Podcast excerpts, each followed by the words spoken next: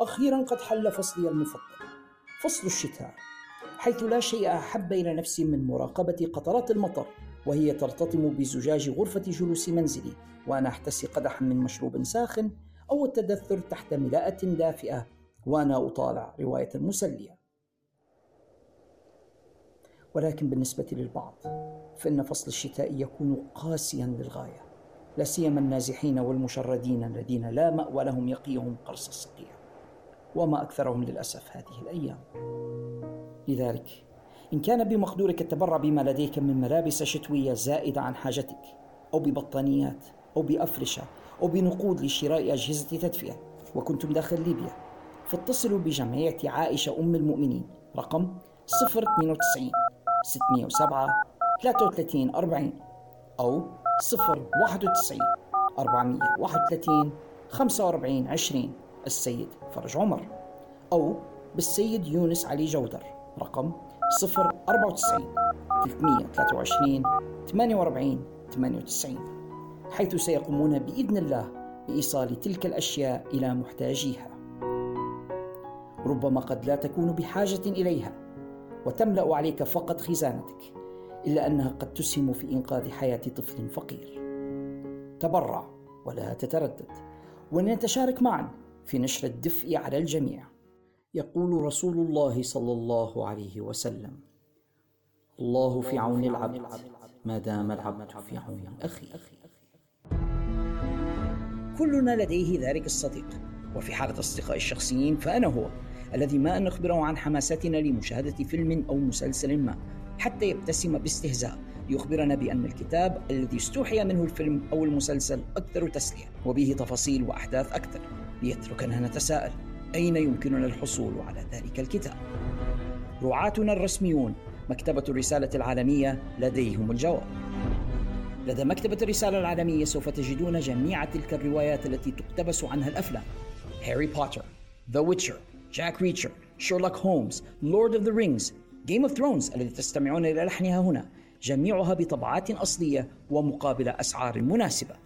وإذا كان كتابك المفضل غير موجود لديهم فلا تقلق. بإمكانهم جلبه لكم بأسرع وأقل تكلفة مما يتطلبه شراؤه عبر الإنترنت. مكتبة الرسالة لا تبيع الروايات فقط حيث لديهم الكتب الدراسية والقواميس والمراجع في كافة المجالات العلمية. وإذا لم يكن بمقدورك الذهاب بنفسك إلى المكتبة أيضا لا تقلق فلديهم خدمة التوصيل كذلك. فماذا تنتظرون؟ عالم من المعرفة ينتظركم بمكتبة الرسالة العالمية. زوروا صفحتهم في وصف هذه الحلقة واتصلوا بهم للحصول على ما تريدون من الكتب. فقط اخبروهم أنكم من مستمعي البودكاست وبأن البروف هو من أرسلكم. مكتبة الرسالة العالمية جسركم. إلى المعرفة العالمية.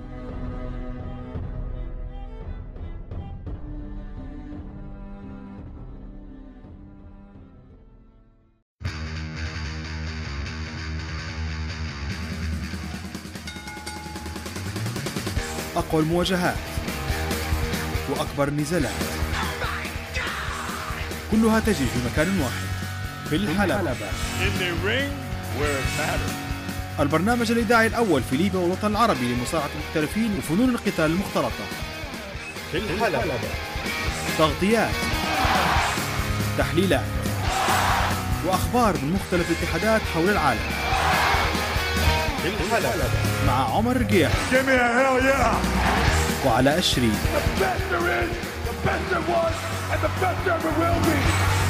And that's the bottom line. The Stone Cold says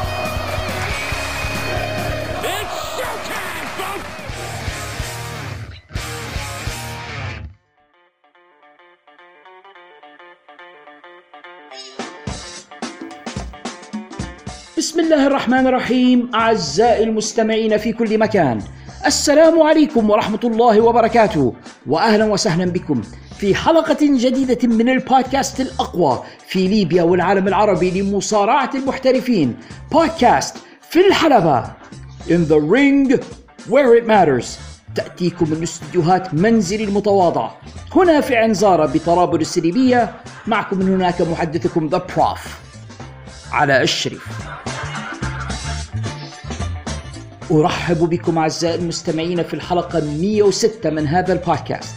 حلقة نهاية الأسبوع ويا له من أسبوع والتي تأتيكم عبر Anchor.fm ومنصاته المتعددة. أعتقد أنكم أصبحتم عارفينها الآن. Spotify Google Podcast Apple Podcast وبقية منصات الاستماع الأخرى.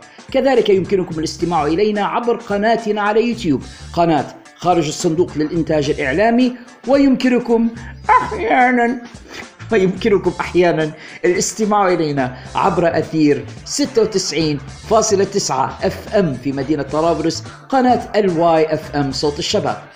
فأيما كانت الوسيلة التي اخترتموها للاستماع إلي عبرها وحيثما كنتم في أرجاء هذا العالم الفسيح شكرا لكم لأنكم اخترتموني لقضاء شيء من وقتكم الثمين في الاستماع إلي وأنا أثرثر حول شؤون وشجون هذا العالم المجنون عالم مصارعة المحترفين ويا له من عالم محموم ومجنون.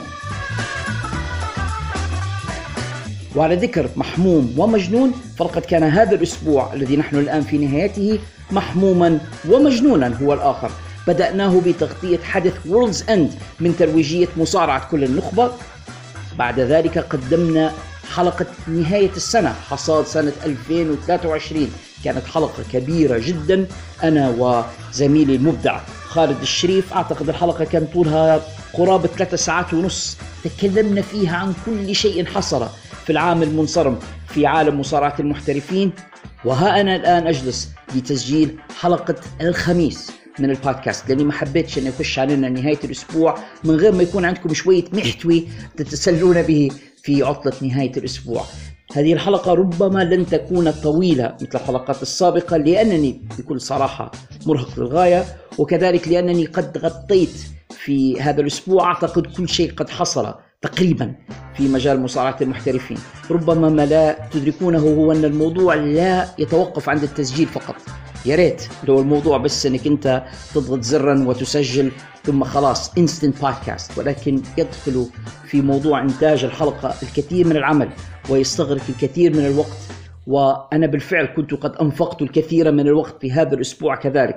لكن معلش التعب هذا يهون من أجل اسعاد أعزائي. المستمعين والذين أرحب بهم جميعا وخصوصا منهم أصدقائنا المميزين roster البودكاست الذين يستمعون إلينا باستمرار.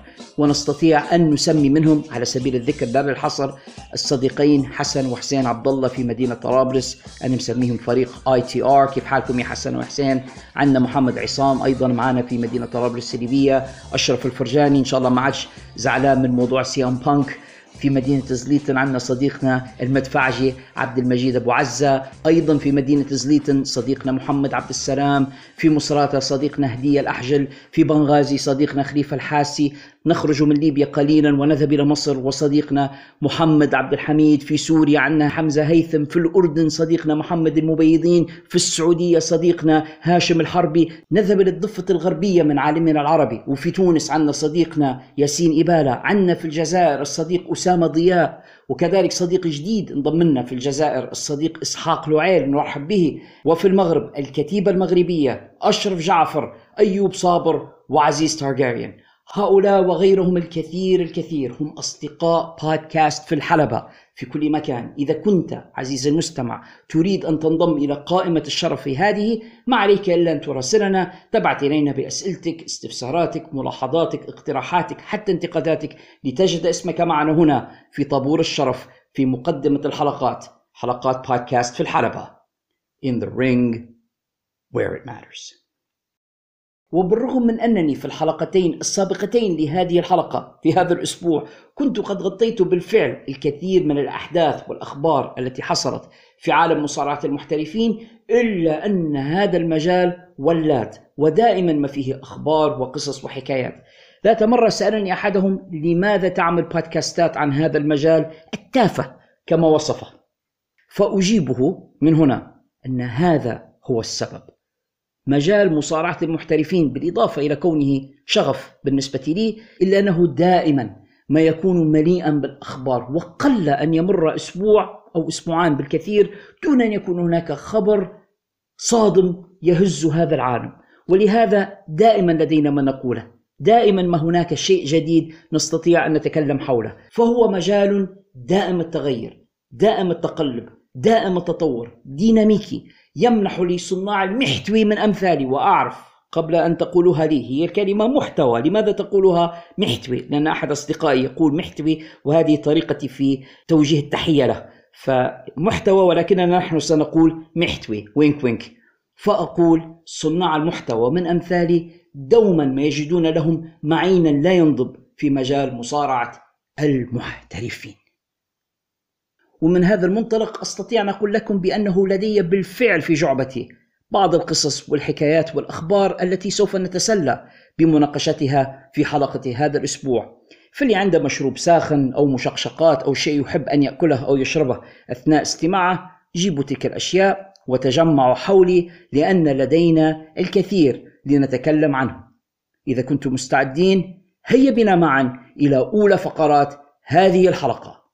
Let's get it on.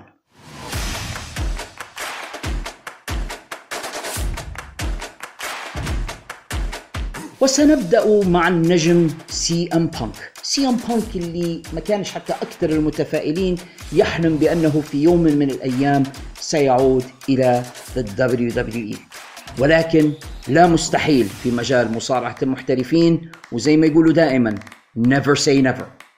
عاد سي ام بانك إلى الشركة الكبرى في مجال مصارعة المحترفين في مشهد ما تزال آثاره عالقة في أذهان مشاهديها في كل مكان وأعتقد بأن الناس لسنوات طويلة جدا سوف يظلون يتكلمون عن تلك اللحظة لحظة عودة سي إم بانك إلى ال WWE وسوف يتناقل الناس تلك القصة وكل واحد يتذكر أين كان عندما حصل ذلك أو ماذا كان شعوره أو بماذا أحس عندما رأى سي أم بانك على شاشة WWE لأول مرة بعد عشر سنوات. وبالفعل بدأ سي أم بانك في خوض النزالات في حلبات ال WWE وزي ما حكيت لكم في حلقة الأسبوع الماضي الحلقة 104 خاض سي أم بانك نزاله الأول ضد دومينيك ميستيريو في قاعة ماديسون سكوير جاردن التاريخية والعريقة اللي تعتبر معقل ال WWE وحديقتهم الخلفية. ولكن ما لم يتسنى لي إخباركم عنه في حلقة الأسبوع الماضي لأن ذلك الخبر لم يتسرب إلا فيما بعد بأن القائمين على قاعة ماديسون سكوير جاردن وبعد ذلك النزال كانوا قد قدموا لسي إم بانك هدية صغيرة رمزية عبارة عن درع مكتوب عليها اسمه وشعار القاعة وشكر من القاعة لسي ام بانك لأنه ساهم في بيع جميع مقاعد العرض الذي أقيم في ذلك اليوم. وهذه شهادة من ماديسون سكوير جاردن بأن هذا النجم تمكن بالفعل من أنه هو يجذب الجمهور ويملأ بهم القاعة القاعة التي بيعت جميع مقاعدها في تلك الأمسية. أعتقد بأن هذا رد بليغ على الذين كانوا يقولون بأن سي أم بانك لا يحرك المؤشر وبأن سي أم بانك ليس draw draw باللغة الإنجليزية بمعنى القادر على جذب الجمهور أن اسمه لا يكفي لجذب الجماهير. وكانوا يحاولون اللمز من قناة أن سي أم بانك ليس اسما كبيرا مثل النجوم الكبار في المجال. الأسماء اللي زي ذا روك وستيف أوستن وقبلهما هولك هوجن وغيرهم من النجوم. كانوا يحاولون القول بأن بانك ليس ذلك النجم الذي يستطيع أن يبيع القاعات وبأن يجذب الجمهور أو يبيع ال pay-per-views مستدلين على ذلك بتدني المبيعات في AEW ناسين في ذلك أو متناسين بأن المشكلة في بيع التذاكر بالنسبة لعروض AEW ليست فقط في أسماء النجوم الذين تضعهم على ال marquee الذين تضعهم على اللافتة. ولكن المشكلة الحقيقية في قيمة وسعر تذاكر AEW نفسها حيث تقول لنا الأخبار بأن تذاكر AEW غالية الثمن جدا بحيث يعجز الناس العاديون عن شرائها. وهذا كان سببا رئيسيا في إعراض الناس عن الشراء. طبعا بالإضافة إلى مشاكل كثيرة أخرى في عروض AEW وربما نتطرق إلى بعض من ذلك في سياق هذه الحلقة.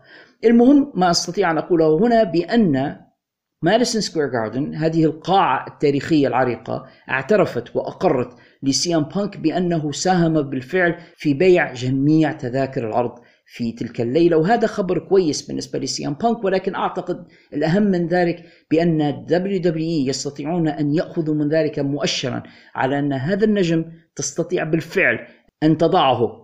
في الأحداث الرئيسية للعروض وأن تضمن بأنه سوف يجذب الجمهور لمشاهدتها وبأنه بالفعل محرك للمؤشر. أنا سعيد لسي أم بانك لأنني أعتقد أنه يستحق هذه الفرصة مع WWE في هذه المرحلة و WWE منطلقون وبقوة باتجاه WrestleMania.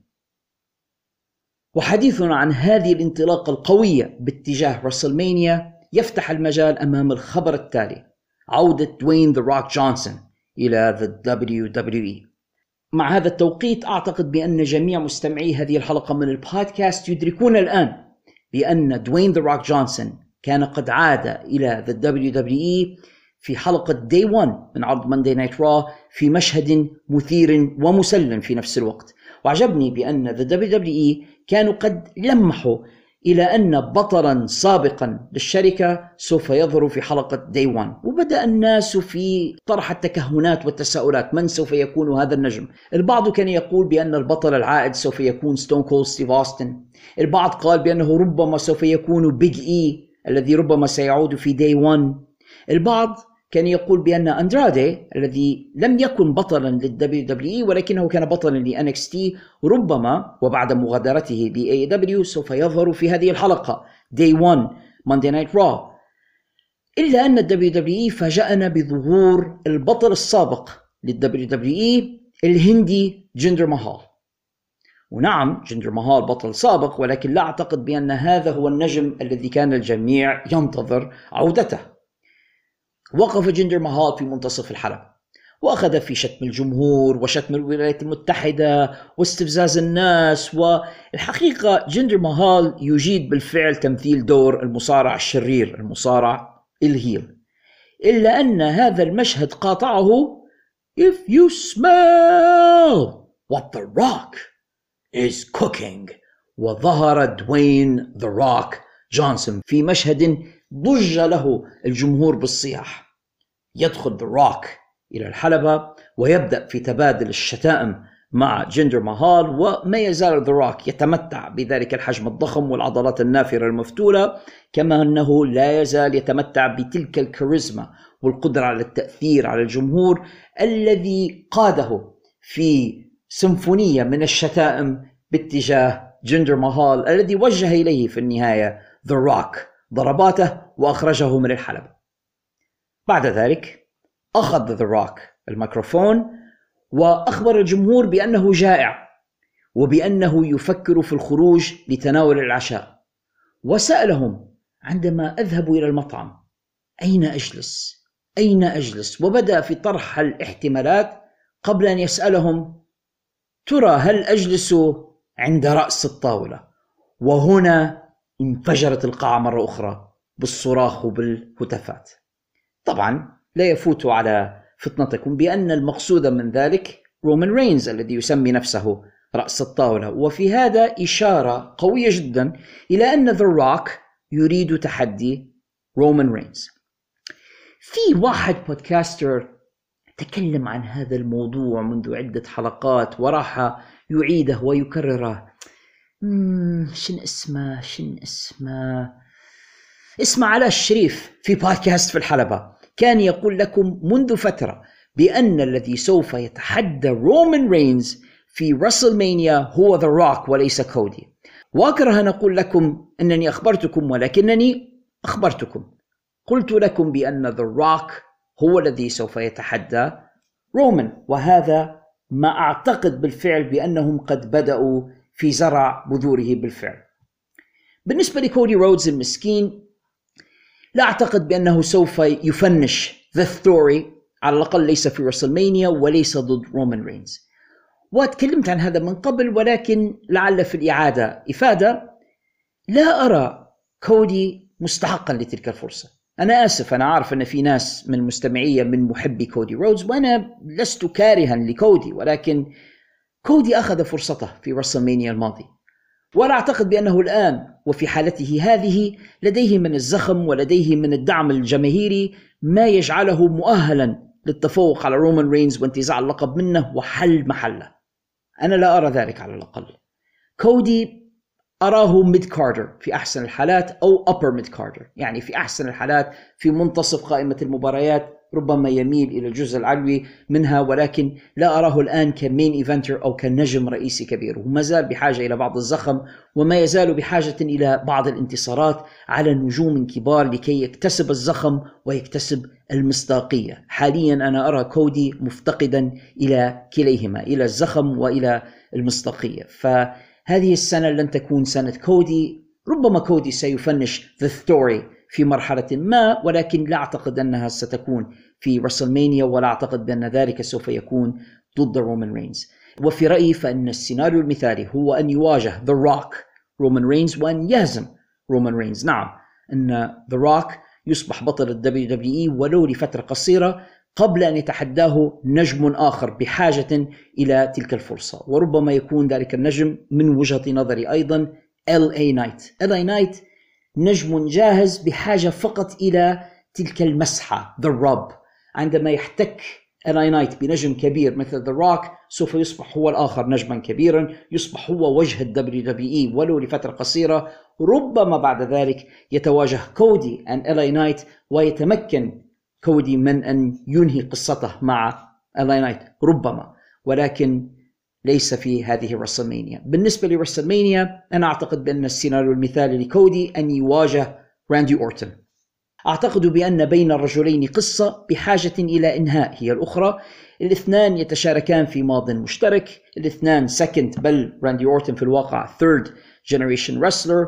وكان الاثنان قد قالا عن بعضهما البعض أشياء قاسية في الماضي. فنستطيع أن ننهي هذه القصة ما بين راندي أورتون and كودي رودز ثم بعد ذلك لكل حادث حديث. ولكن النزال الكبير الذي سوف يستقطب الاهتمام العالمي ويجلب عدسات الإعلام الرسمي وليس فقط إعلام المصارعة المباراة ما بين The Rock دوين جونسون and رومان رينز فأنا بانتظار وأعتقد بأنكم أنتم أيضا في انتظار أن نرى ما الذي سوف يحصل بعد هذا. ولكن أعتقد بأن WWE ومنذ الآن يزرعون بذور ذلك الصراع. سنرى في سياق الخبر السابق أتيت على ذكر اسم ستون كولد ستيف أوستن والسبب في ذلك أنه بالفعل تروج أخبار هذه الأيام عن رغبة ال WWE في الاستعانة بخدمات النجم المخضرم عضو صالة المشاهير لكي يكون معهم مشاركا في عرض رسلمانيا المقبل. لاحظوا أعزائي المستمعين بأن جميع تذاكر رسلمانيا قد بيعت بالفعل. وبالتالي فهم ليسوا بحاجة إلى بيع المزيد من التذاكر أو زيادة المشاهدات ولكنهم تحت مظلة الشركة الجديدة يريدون الاحتفال بالذكرى الأربعين لانطلاق مهرجان راسلمانيا بمشاركة أكبر عدد ممكن من النجوم السابقين. The Rock واحد من أكبر الأسماء وها هم الآن قد بدأوا في قصته لرسلمانيا وعودة ستون كولد ستيف أوستن ستزيد من حماسة وإثارة العرض. حقيقة لم أستطع بعد أن أخمن مكان ستون كولد ستيف أوستن في تشكيلة رسلمانيا لهذه السنة لحد الآن. فإذا كان رومان رينز سوف يتواجه مع ذا روك وإذا كان سي ام بانك سوف يتواجه مع سيث رولينز هذا يضع علامة استفهام كبيرة حول مكان ستون كولد ستيف أوستن لو كنت أنا the booker وكان بيدي هذا الأمر كنت أحب أن أرى ستون كولد ستيف أوستن ضد سي ام بانك واعتقد بأن ذلك سوف يكون نزالا تاريخيا. ولكنه لا يخدم هدف سي ام بانك في أن يكون في الحدث الرئيسي لرسلمانيا متحديا على بطولة العالم. ربما هذا النزال ستون كول ستيف اوستن وسي ام بانك قد يكون جيدا في مكان آخر أو في مناسبة أخرى ربما في سمر سلام ولكن بالنسبة لرسلمانيا إذا كان بانك يريد مطاردة البطولة فليس هذا أوانه. ورومان رينز زي ما قلنا احتمال كبير سوف يواجه ذا روك وهذا يجعلني لا أستطيع تخمين مكان ستون كول ستيف اوستن إلا إذا كان سيكون حكما لإحدى النزالات وأنا لا أتمنى ذلك. أنا حقيقة أتمنى أن أرى ستون كول داخل الحلبة يصارع ولكن إلى الآن لم أستطع أن أجد له مكانا. وأعتقد بأن ذا دبليو دبليو اي لديهم مشكلة لكنها مشكلة جميلة. مشكلة كثرة النجوم وماذا سوف نفعل بهم. لديهم تشكيلات كثيرة وتباديل وتوافيق كثيرة مع كل هذه الأسماء. سيث رولينز رومان رينز كودي رودز درو ماكنتاير سي ام بانك ذا روك ستيف أوستن LA Knight لا أريد أن أنسى أحدا. هناك الكثير من الأسماء. هناك الكثير من القصص. هناك الكثير من العداوات. ال WWE الآن زي سائق السيارة اللي خش إحنا نقول لها باللهجة الطرابلسيه مارشه خامسة. يعني دخل بالسيارة بأقصى قوتها القوة القصوى ومندفعون بقوة باتجاه راسلمانيا في طريق مفتوح وبدون مكابح. وأنا حقيقة مستمتع بجلستي في المقعد الخلفي تاركا لتريبل اتش مقود القيادة لكي يندفع بالسيارة حيثما يريد. ولكن أتمنى فقط أن يأخذوا القرارات والاختيارات الصحيحة. نريد راسلمانيا لهذه السنة أن تكون حدثا للذكرى. أعتقد بأن لديهم القدرة بالفعل على تقديم ذلك. ولكن إذا كنا نبحث لستون كولد ستيف أوستن عن خصم مناسب في رسلمانيا المقبلة فما علينا البحث أكثر من بيل جولدبرغ وعارف بأن الفكرة غريبة ولكن استحملوني لحظة. في حقبة التسعينيات كانت هناك مقارنات كثيرة جدا ما بين الرجلين فهناك تشابه في الشكل لا نستطيع إنكاره. كلاهما أصلع لديه لحية صغيرة. كلاهما كان يرتدي ال shorts السوداء والحذاء القصير الأسود وكلاهما مصارع صارم قوي جدي. من نافلة القول أن ستون كول ستيف كمصارع كان أفضل بمراحل من بيل جولدبرغ ولكن في المقابل كان بيل جولدبرغ يتمتع بقوة جسمانية هائلة وبسرعة كبيرة للغاية. وأتذكر أغلفة المجلات التي كنت أراها على الأرفف في المكتبات في التسعينيات وذلك السؤال الدائم من الأقوى جولدبرغ أم أوستن؟ أوستن أم جولدبرغ وأتذكر كذلك بأن the WWE في فترة من الفترات كانوا يتمنون بالفعل إقامة هذا النزال وكانوا يسمونه نزال القرن جولدبرغ ضد ستيف أوستن. في الفترة الأخيرة بدأ بيل جولدبرغ يضج بالشكاوي من the WWE ووصف رئيسها السابق فينس ماكمان بأنه قطعة من ال وذلك لأنه كان قد وعده بمنحه نزال اعتزال. خاصة بعد نزاله مع رومان رينز. قال بيل جولدبرغ بأنه سمح لرومان رينز بالتغلب عليه في المملكة العربية السعودية وبأنه يريد the WWE أن يردوا له الجميل وأن يسمحوا له بإقامة نزال اعتزال إلا أنهم لم يفعلوا وبأن فينس ماكمان قد أقفل هاتفه وتجاهله تماما ويبدو بأن بيل جولدبرغ غاضب للغاية. في رأيي الشخصي بيل جولدبرغ لا يستحق نزال اعتزال كبير لأنه قد حرم بدوره أكبر نجم في تاريخ المصارعة بريت هيتمان هارت من الحصول على مثل ذلك النزال كلنا يعرف بأن جولدبرغ هو الذي تسبب لبريت هارت في تلك الإصابة التي أقعدته عن المصارعة. وبالرغم من أن بريت هارت نفسه كان قد صفح عن جولدبرغ فيما بعد وقال بأنه سامحه إلا أننا نعلم بأن بريت هارت لم يسامحه. وجمهور المصارعة الذين يحبون بريت هارت وأنا منهم لم نسامح بيل جولدبرغ وعليه فأنا لا أعتقد بأنه يستحق مثل ذلك النزال. ولكن business wise من ناحية الفلوس الفلوس يا رب الفلوس. يوما ما سوف أخبركم قصة هذه النكتة. أعود. إذا كنا سننظر للموضوع من الناحية المالية. ومن ناحية إقامة مباريات أحلام كبيرة مباريات ونزالات أسطورية فإن هذه قد تكون الطريقة المناسبة لإنهاء مسيرة كل من الرجلين. جولدبرغ أوستن صراع العمالقة الصلعان شيء من هذا القبيل في مباراة أخيرة لهما. هذا نزال أحلام لكثير من أبناء جيل التسعينات.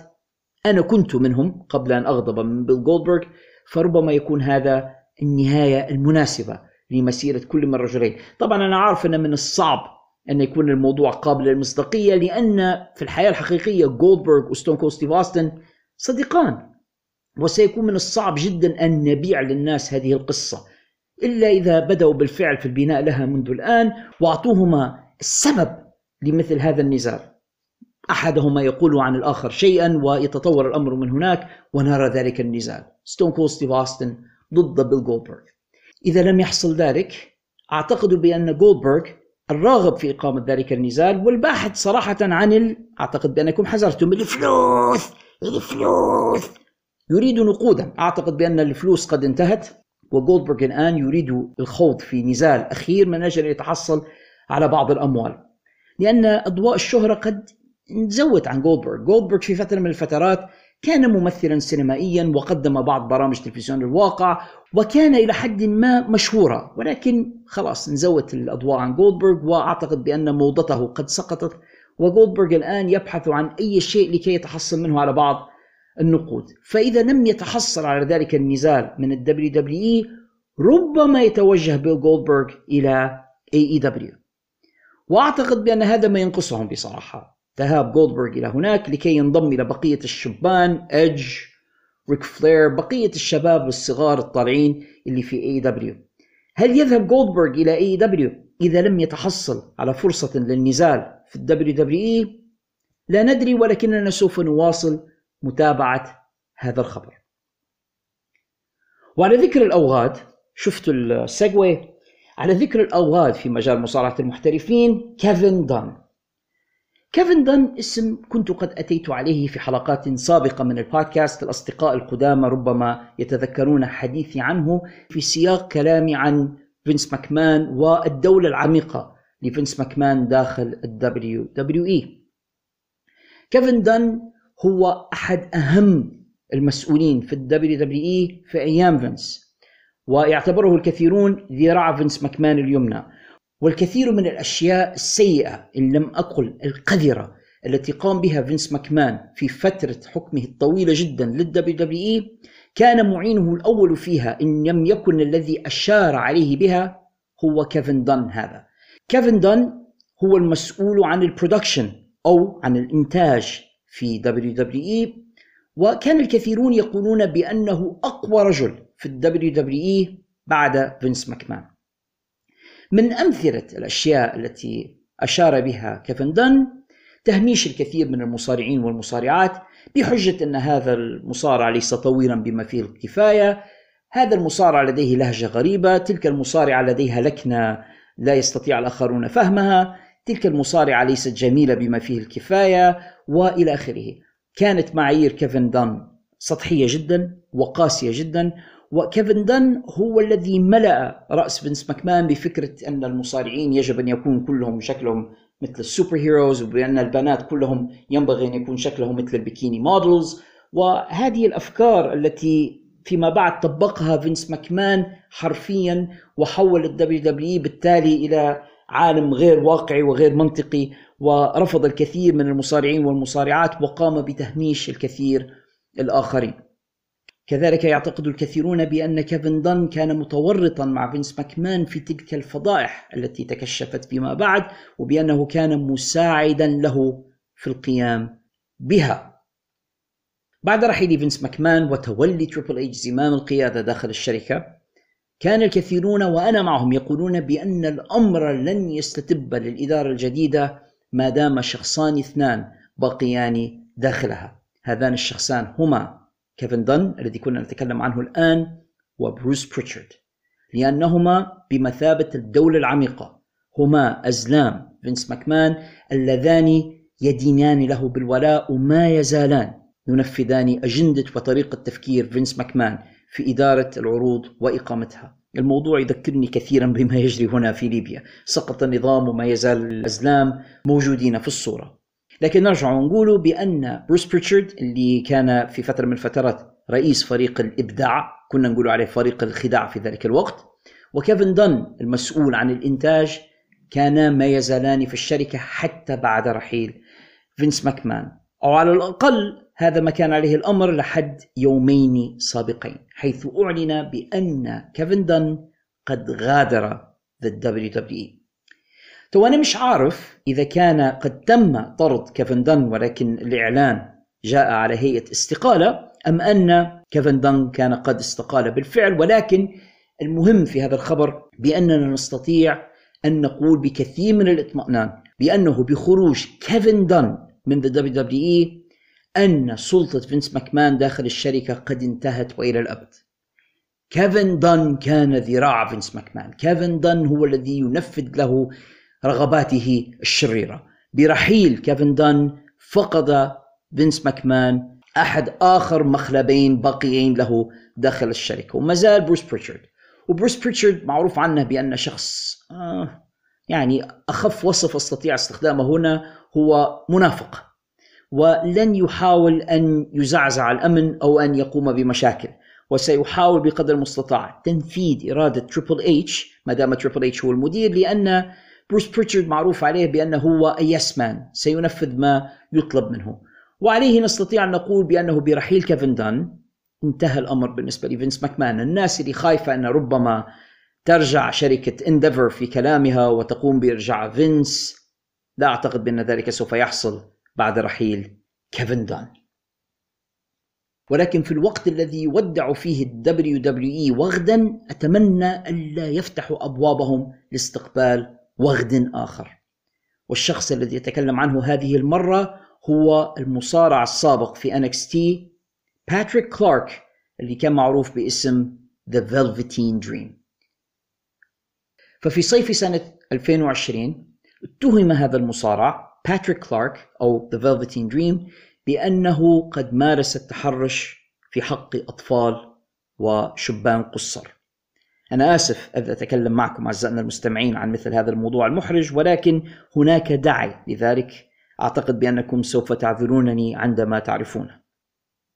حيث ظهر الآن هذا الشخص في مقطع مصور له يبدي أسفه وندمه على ما بدر منه ويطلب من تريبل اتش وشون مايكلز إرجاعه إلى the WWE لا لا وألف مليون لا.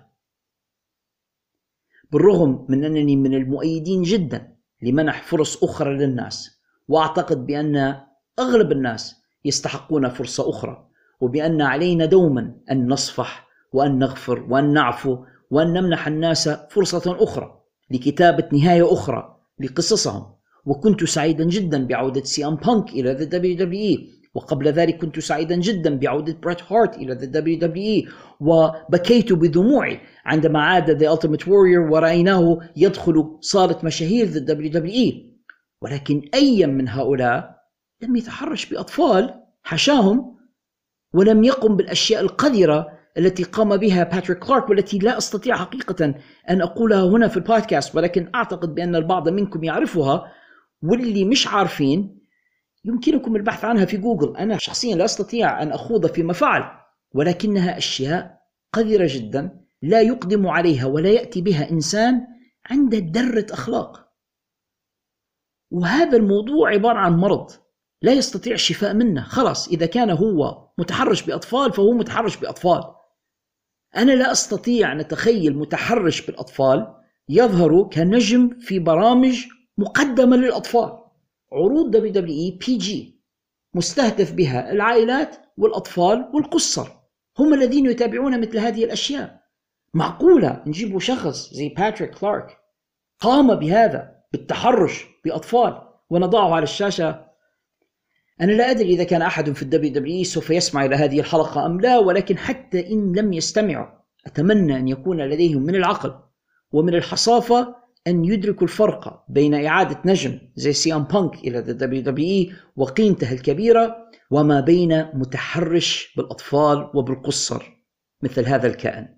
لا أستطيع أبدا أن أتقبل عودته إلى ذا دبليو إي من جديد وإن عاد أعتقد بأن علي في تلك الحالة أن أكف عن مشاهدة WWE بالإطلاق لأنها ستكون علامة سيئة جدا جدا لا لعودة هذا الكائن.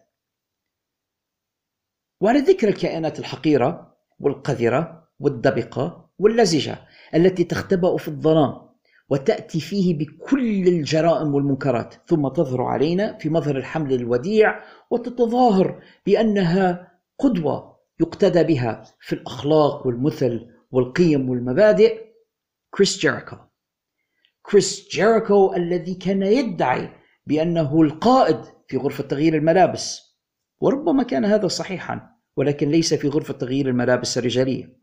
على أي حال كريس جيريكو The Locker Room Leader قائد غرفة تغيير الملابس الذي كان يصف غيره من المصارعين بأنهم cancers بأنهم سرطانات عليهم مغادرة All Elite Wrestling لأن كيف يأتي سي أم بانك إلى هنا ويفسد علينا هذا الذي أسسناه وأنشأناه وقررنا أن نغير من خلاله عالم مصارعة المحترفين؟ أتساءل هنا ما هي أهداف تلك الثورة التي قام بها كريس جيريكو ورفاقه في ذي إليت عندما أسسوا ترويجية مصارعة كل النخبة؟ لماذا قمنا بالثورة؟ أنا لا أعلم لماذا قمنا بالثورة. أنا كنت في الحمام ساعتها. هل كانوا يريدون التخلص من أشخاص كبار في السن يتبوؤون المناصب القيادية العليا في الشركات الأخرى ويستغلونها من أجل التحرش بالنساء مثلا هذا ما كان يجري في ال WWE. ولكننا نرى بأن ترويجية كل النخبة أعادت القيام بذلك وبشكل أسوأ. وأكبر دليل على ذلك كريس جيريكو هذا نفسه. كريس جيريكو الذي يواجه الآن تهما خطيرة للغاية بالتحرش بل بالتعدي على مصارعات في كواليس ترويجية مصارعة كل النخبة. القصة هي أنه بعد أول عرض أقامته هذه الترويجية عرض Double or Nothing الذي أقيم في شهر خمسة من سنة 2019 واحتفالا بفوزه ببطولة العالم كانت قد وجهت دعوة إلى المصارعة التي كانت مع الشركة في ذلك الوقت المصارعة كايلي راي بالتوجه إلى غرفة كريس جيريكو في الفندق وتم إفهامها في ذلك الوقت بأن هناك أناس آخرون يعني هناك حفلة في غرفة كريس جيريكو وبحسن نية كما تقول القصة ذهبت كايلي راي إلى الغرفة لتفاجأ بكريس جيريكو وحيدا في الغرفة. وبحسب الخبر الذي تسرب حاول جيريكو الاعتداء على كايلي راي. طبعا الاعتداء ليس اعتداء بالضرب. أعتقد بأن فهمكم كفاية وبأنها قد لاذت بالفرار. بعد ذلك طلبت كايلي راي أن يتم فسخ عقدها مع الشركة ورحلت عنها بدون إبداء للأسباب. وللذين سوف يتساءلون لماذا لم تتكلم كايلي راي في وقتها؟ لماذا لم تتوجه إلى البوليس مثلا؟ لماذا لم تتقدم بدعوة رسمية؟ نحن لا نعرف جميع التفاصيل ولا نعرف إذا ما كانت قد تقدمت بشكوى إلى توني خان. وأنا شخصيا أعتقد بأنها قد فعلت لأن توني خان كان في غاية الارتباك عندما سئل عن هذا الأمر وأراد أن يطوي الصفحه بسرعة وقال لا ليست هناك مشاكل وهي طلبت المغادرة بشكل ودي وأنا منحتها الموافقة وانتهى الموضوع. وهذا دلني على أنه يعرف بأن هناك في الأمور أمور ولكنه أراد فقط طي الصفحه بسرعة لأنه لا يريد التورط أكثر في هذه المشكلة. على كل حال فإن هذه الأنباء لم تتسرب عن طريق كايلي راي بل عن طريق طرف ثالث هو الصحفي نيك هاوزمان والذي تساءل في حلقة من البودكاست الذي يقدمه. بودكاست Rumor and Innuendo تساءل عن كريس جيريكو وعن علاقته بال NDAs اللي هي وثائق عدم البوح أو عدم الإفصاح. وقال أنت يا كريس جيريكو زعلان من الناس اللي وقعوا في NDAs وأنت نفسك قد جعلت الكثير من الناس يوقعون على NDAs وأنا أعرف هذا تماما. كلام لي نيك هاوزمان. وتساءل عن المصارعات الكثيرات التي تعرضن للأذى بسبب كريس جيريكو وقال هل ستخرج قصص كريس جيريكو في يوم من الأيام؟ أم أن علينا أن ننتظر حتى تصبح الأمور أكثر أمانا. بمجرد إذاعة هذه الحلقة من البودكاست حدثت زوبعة على وسائل التواصل الاجتماعي أكس وغيرها من الوسائل وبدأ الناس يتكلمون. ووضع أحدهم قام بشطب اسمه لكي لا يستطيع الآخرون رؤيته ولكنه قام بوضع تغريدة قال فيها بأن هناك الكثير من الناس الذين ينتظرون الفرصة المناسبة للكلام عن كريس جيريكو. وتفاعلت كايلي راي مع تلك التغريدة بوضع علامة القلب الحمراء. ردة الفعل على ذلك كانت مباشرة في العرض التالي لترويجية مصارعة كل النخبة عرض Worlds End حيث استقبل الجمهور كريس جيريكو بعاصفة من الهتاف الغاضب وكانوا يشتمونه وكانوا يقولون له ألفاظا نابية وسيئة وحتى المصارعون داخل الحلبة لم يكونوا يريدون حقيقة التعاون معه بل رأينا حتى ريكي ستاركس في نهاية المباراة أتى بإشارة بذيئة باتجاه كريس جيريكو وكان على وجهه الكثير من الغضب وأنا لا أعتقد بأن ريكي ستاركس ممثل بارع إلى تلك الدرجة، كان واضح حتى على وجه ريكي ستاركس شدة البغض لكريس جيريكو. كريس جيريكو أنت من جلبت كل هذا على نفسك.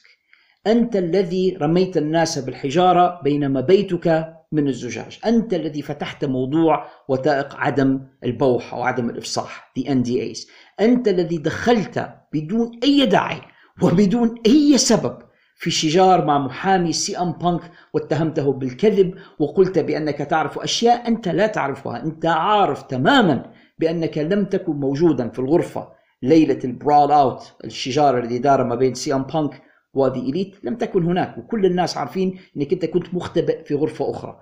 ولكنك ادعيت بأنك رأيت وقلت ذلك ولأنك دخلت في شجار مع محامي معروف ستيفن بينيو أنت الآن ترى النتائج بنفسك. بتحط نفسك في مواقف بايخة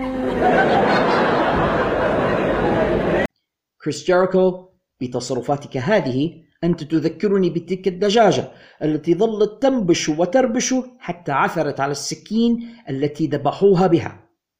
وأنت الذي جنيت هذا على نفسك. الآن السؤال الكبير لتوني خان ول AEW قمتم بطرد سي أم بانك من الشركة بداعي سوء السلوك وسوء الأخلاق عندما تشاجر مع النجم الكبير الأسطورة جانجل بوي أليس كذلك؟ أكبر نجم في الصناعة. النجم الذي يدفع الناس أموالهم ويشترون التذاكر ويحتشدون في القاعات من أجل مشاهدته. أنتم فرطتم به بسبب سوء السلوك بسبب شجار. علما بأن المصارعين دائما ما يتشاجرون. وحكيت عن هذا مطورا في حلقات سابقة من البودكاست. دأب المصارعين الدائم الصراع والتشاجر والعراك وحتى تبادل اللكمات خلف الكواليس منذ القدم. ولكن توني خان كان خائفا على حياته. توني خان شعر بالخوف لأنه رأى شجارا حقيقيا بين مصارعين. لأول مرة ليست مصارعة كل الأصدقاء بل تبين بأن هناك أناس ليسوا أصدقاء خلف الكواليس. يا للهول! يجب أن نلغي عقد سي أم بانك وإلغاء مسببا وأن ننهي هذا العقد وأن نطرد هذا المصارع المشاغب ال cancer. لماذا؟ لأنه ضرب جانجل بوي تمام كويس. سي ام بانك تخلص منكم هو الآخر والآن هو في مكان أفضل. سؤالي لك يا بلحة ماذا سوف تفعل الآن بكريس جيريكو في الصناعات التي تحترم نفسها حتى إن لم تثبت مثل هذه المزاعم الواجب عليك أن توقفه عن العمل وأن تفتح معه تحقيقا وأن يتم جلب الطرف الآخر الضحية ومساءلتها هي الأخرى والتأكد من إذا ما كانت هذه المزاعم صحيحة أم لا وهل صحيح أن هناك قصص أخرى وضحايا أخرى لهذا الشخص كريس جيريكو والتأكد تماما من أنه غير متورط في أي شيء. وفي الصناعات المحترمة يقوم بذلك طرف ثالث لكي لا يتطرق الشك إلى النتائج التي سوف يتم العثور عليها. يعني مش أنت يا بلحة تقوم بالتحقيق. أتساءل أين براين دانيسون ولجنة التأديب التي يترأسها؟ لماذا لا يسارع الآن إلى معاقبة كريس جيريكو أم أن تلك العصابة على عينه تمنعه من أن يرى ما الذي جرى؟ هذه المعايير المزدوجة وهذه الانتقائية في المواقف. هي التي سوف تسبب في غرق هذه الشركة أكثر مما هي غارقة. إذا كنتم سوف تحتفظون بقطعة من الهراء مثل كريس جيريكو بعد هذه التهم الموجهة له وأنا لا أقول بأنه قد فعل كل هذا. نحن بانتظار أن يتم التحقيق في الأمر ولكن إن لم ترضوا حتى بالتحقيق وستحتفظون به وتواصلون الدفع به على شاشات التلفزيون هل تتوقعون بأن الناس سوف يواصلون مشاهدة عروضكم؟ هناك صدقوا أو لا مشاهدون لديهم أخلاق ومثل ومبادئ وتلك الأخلاق والمثل والمبادئ لن تسمح لهم بمتابعة عرض تلفزيوني تظهر مثل هذا الشخص على الشاشة المتهم بمثل هذه التهم الخطيرة دون أن يفتح تحقيق فيه حتى أنا عارف بأن بلح لا يسمع وبأنه إن سمع فإنه لا يفهم ولكن أليس فيكم رجل رشيد؟ ما فيكمش حد يفهم. ما فيش حد معاكم يستطيع أن يعي أو أن يستوعب خطورة هذا الذي تواجهونه. هناك مكاتب محاماة وهناك محققون مستقلون بل هناك تحقيقات على مستوى فيدرالي قد تفتح فيكم إن لم تبدأوا أنتم على الأقل بتحقيق داخلي. أنا لا أقول لكم الآن قوموا بطرد كريس جيريكو مع أنني أتمنى ذلك ولكن على الأقل أفتحوا فيه تحقيقا ووقفوه عن العمل إلى أن تتبين براءته فيعود أو يتبين بأنه بالفعل مفترس كما الآن يشاع عنه ويتم تسريحه ويكون عبرة لمن لا يعتبر. أما الإبقاء عليه هكذا وكأنه لم يفعل شيء وتجاهل الأمر ومحاولة كنسه تحت البساط في حين أنكم لم تترددوا لحظة في طرد سي أم بانك هذا يثير الكثير من التساؤلات. إذا أنتم لم تقوموا بطرد سي أم بانك لأنه سرطان. ولم تقوموا بطرد سي أم بانك لأنه إنسان سيء.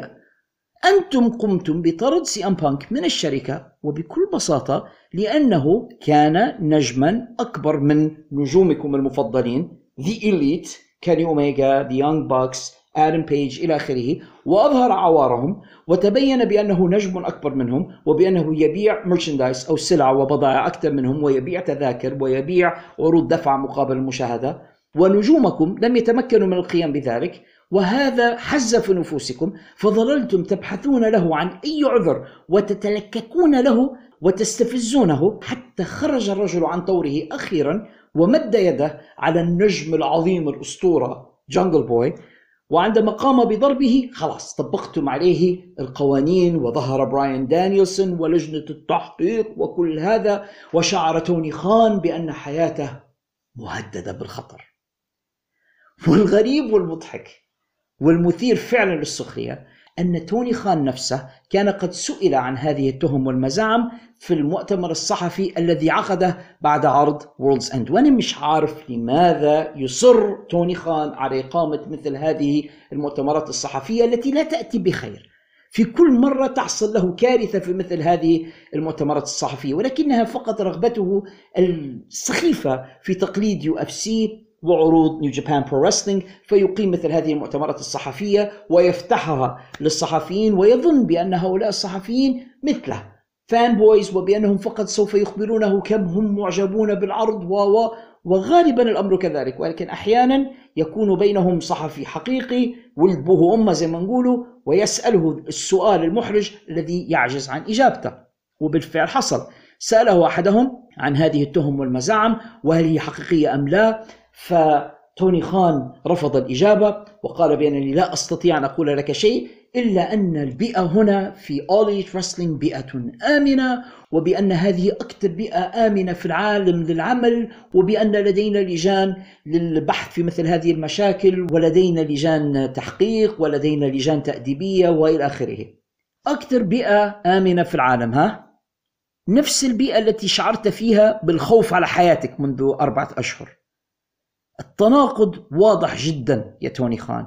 ومهما اختبأت خلف النظارات الشمسية لكي لا يلاحظ الآخرون عينيك اللتين لا ترمشان. ومهما أخذت من المخدرات لكي تبدو أمام الآخرين كما لو أنك نشيط وبرح وسعيد.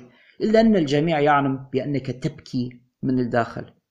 أنت تعلم بأن هذا الكيان الهش الذي أقمته قد بدأ في الانهيار. سوف تخسر قريبا قناتك التلفزيونية مصارعوك بدأوا يغادرون السفينة الغارقة الواحد تلو الآخر. آخرهم كان أندرادي الذي قفز من السفينة بعد عرض وورلدز أند وقرر العودة إلى WWE وأعتقد بأن ذلك سوف يكون أقرب مما يتصور الكثيرون والبقية تأتي.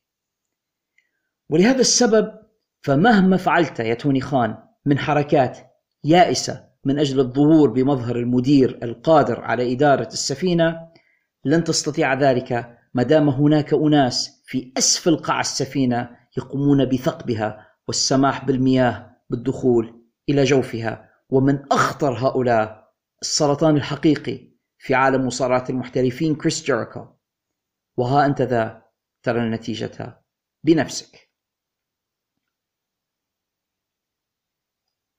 في إطار محاولاته اليائسة تلك ربما سوف يقوم توني خان.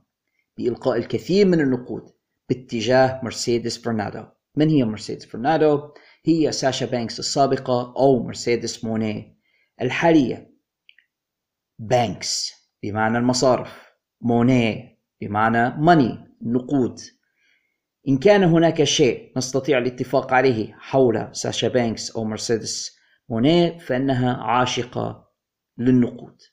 ومنذ أن علمت بأن شارلوت فلير كانت قد وقعت مع ال WWE أكبر عقد مالي مع مصارعة في تاريخ الشركة منذ أن علمت بذلك وهي مصرة على الحصول على عقد مالي أكبر من The WWE في مقابل عودتها إلى تلك الشركة.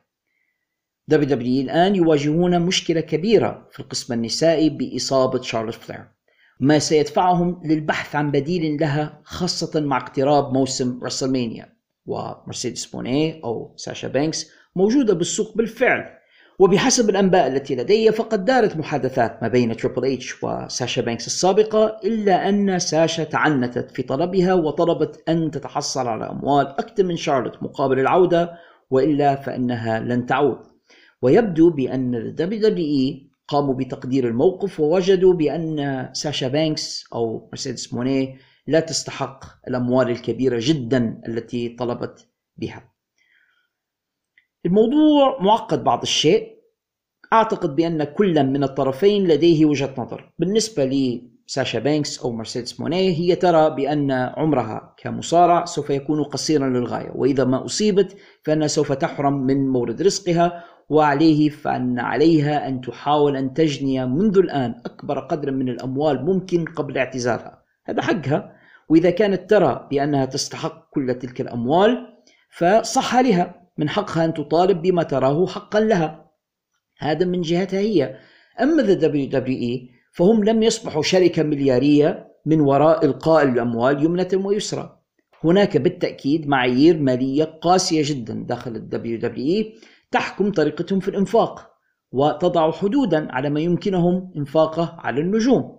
وقد نتفق مع أولئك الذين يقولون بأن العقد المالي الموقع مع شارل فلير هي الأخرى مبالغ في قيمته. قد نتفق مع ذلك ولكن صراحة لا نعرف قيمة العقد.